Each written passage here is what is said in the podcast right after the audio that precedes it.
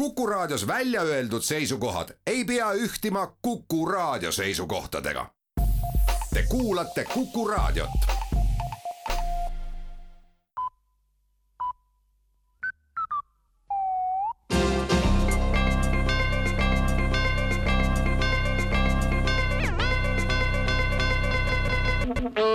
tere kuulama uudiseid stuudios Rohke Debelak.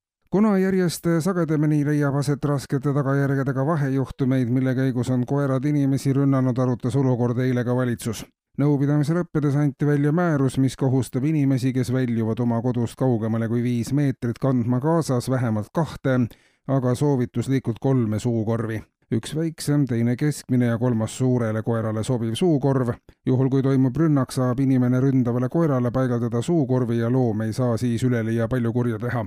Kohe, kui rünnak lõpeb, tuleb loomalt suukorv ära võtta, et looma ja tema peremeest mitte liialt traumeerida riigikogu hakkab arutama permanentse valimiseelse perioodi kehtestamise seaduse eelnõud valimisseaduse muudatus näeb ette katkematu valimiskampaania ja valimiste-eelse aja kehtestamise kogu riigis.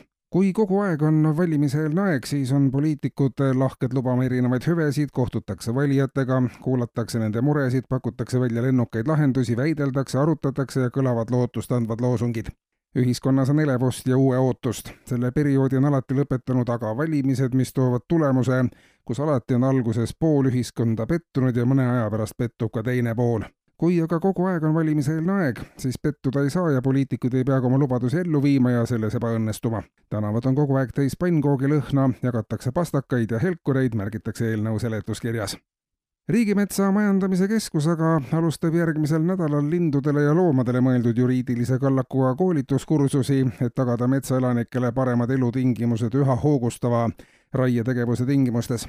Sageli ei ole loomad kursis juriidiliste nüanssidega, mis võimaldaksid neil valida ohutuma elupaiga, mille kadumise pärast ei peaks kogu aeg muretsema tihti ehitavad linnud oma pesa valesse metsatukka, selle asemel, et teha vahet erametsal ja riigimetsal ning üldse ei ole linnud tutvunud metsanduse arengukavaga. RMK-l on hulgaliselt spetsialiste, kes oskavad kõike metsas toimuvat nii lindudele kui inimestele linnukeeles põhjalikult selgitada selleks, et koolitusi oleks mugav läbi viia, raiutakse iga metsahektari kohta null koma seitsmekümne viie hektariline koolitusplats ja lindude ja loomade harimisega alustatakse juba järgmisel kevadel veel annab valitsus teada, et ettevalmistamisel on võlaõigusseaduse erinevate osade muutmise seadus. peamiselt puudutavad muudatused laialt levinud võlgu elamise reguleerimise kõrval ka esmakordselt võlgu suremise erinevaid tahke. paljud inimesed ei jõua kõiki oma kohustusi eluajal täita ja seetõttu toob see kaasa järeltulijate võlgu sündimise muudatuse kohaselt on võlgu võtnud inimesel nüüdsest keelatud ära surra või kui ta seda teeb, siis etapiviisiliselt iga kuu natuke ja sellele lisanduvad intressid et välistada olukord, kus inimene ei maksa elamise ajal oma võlgu ära, tuleb seadusemuudatuse kohaselt kehtestada olukord, kus võlgu võtnud inimene ei ela ega sure.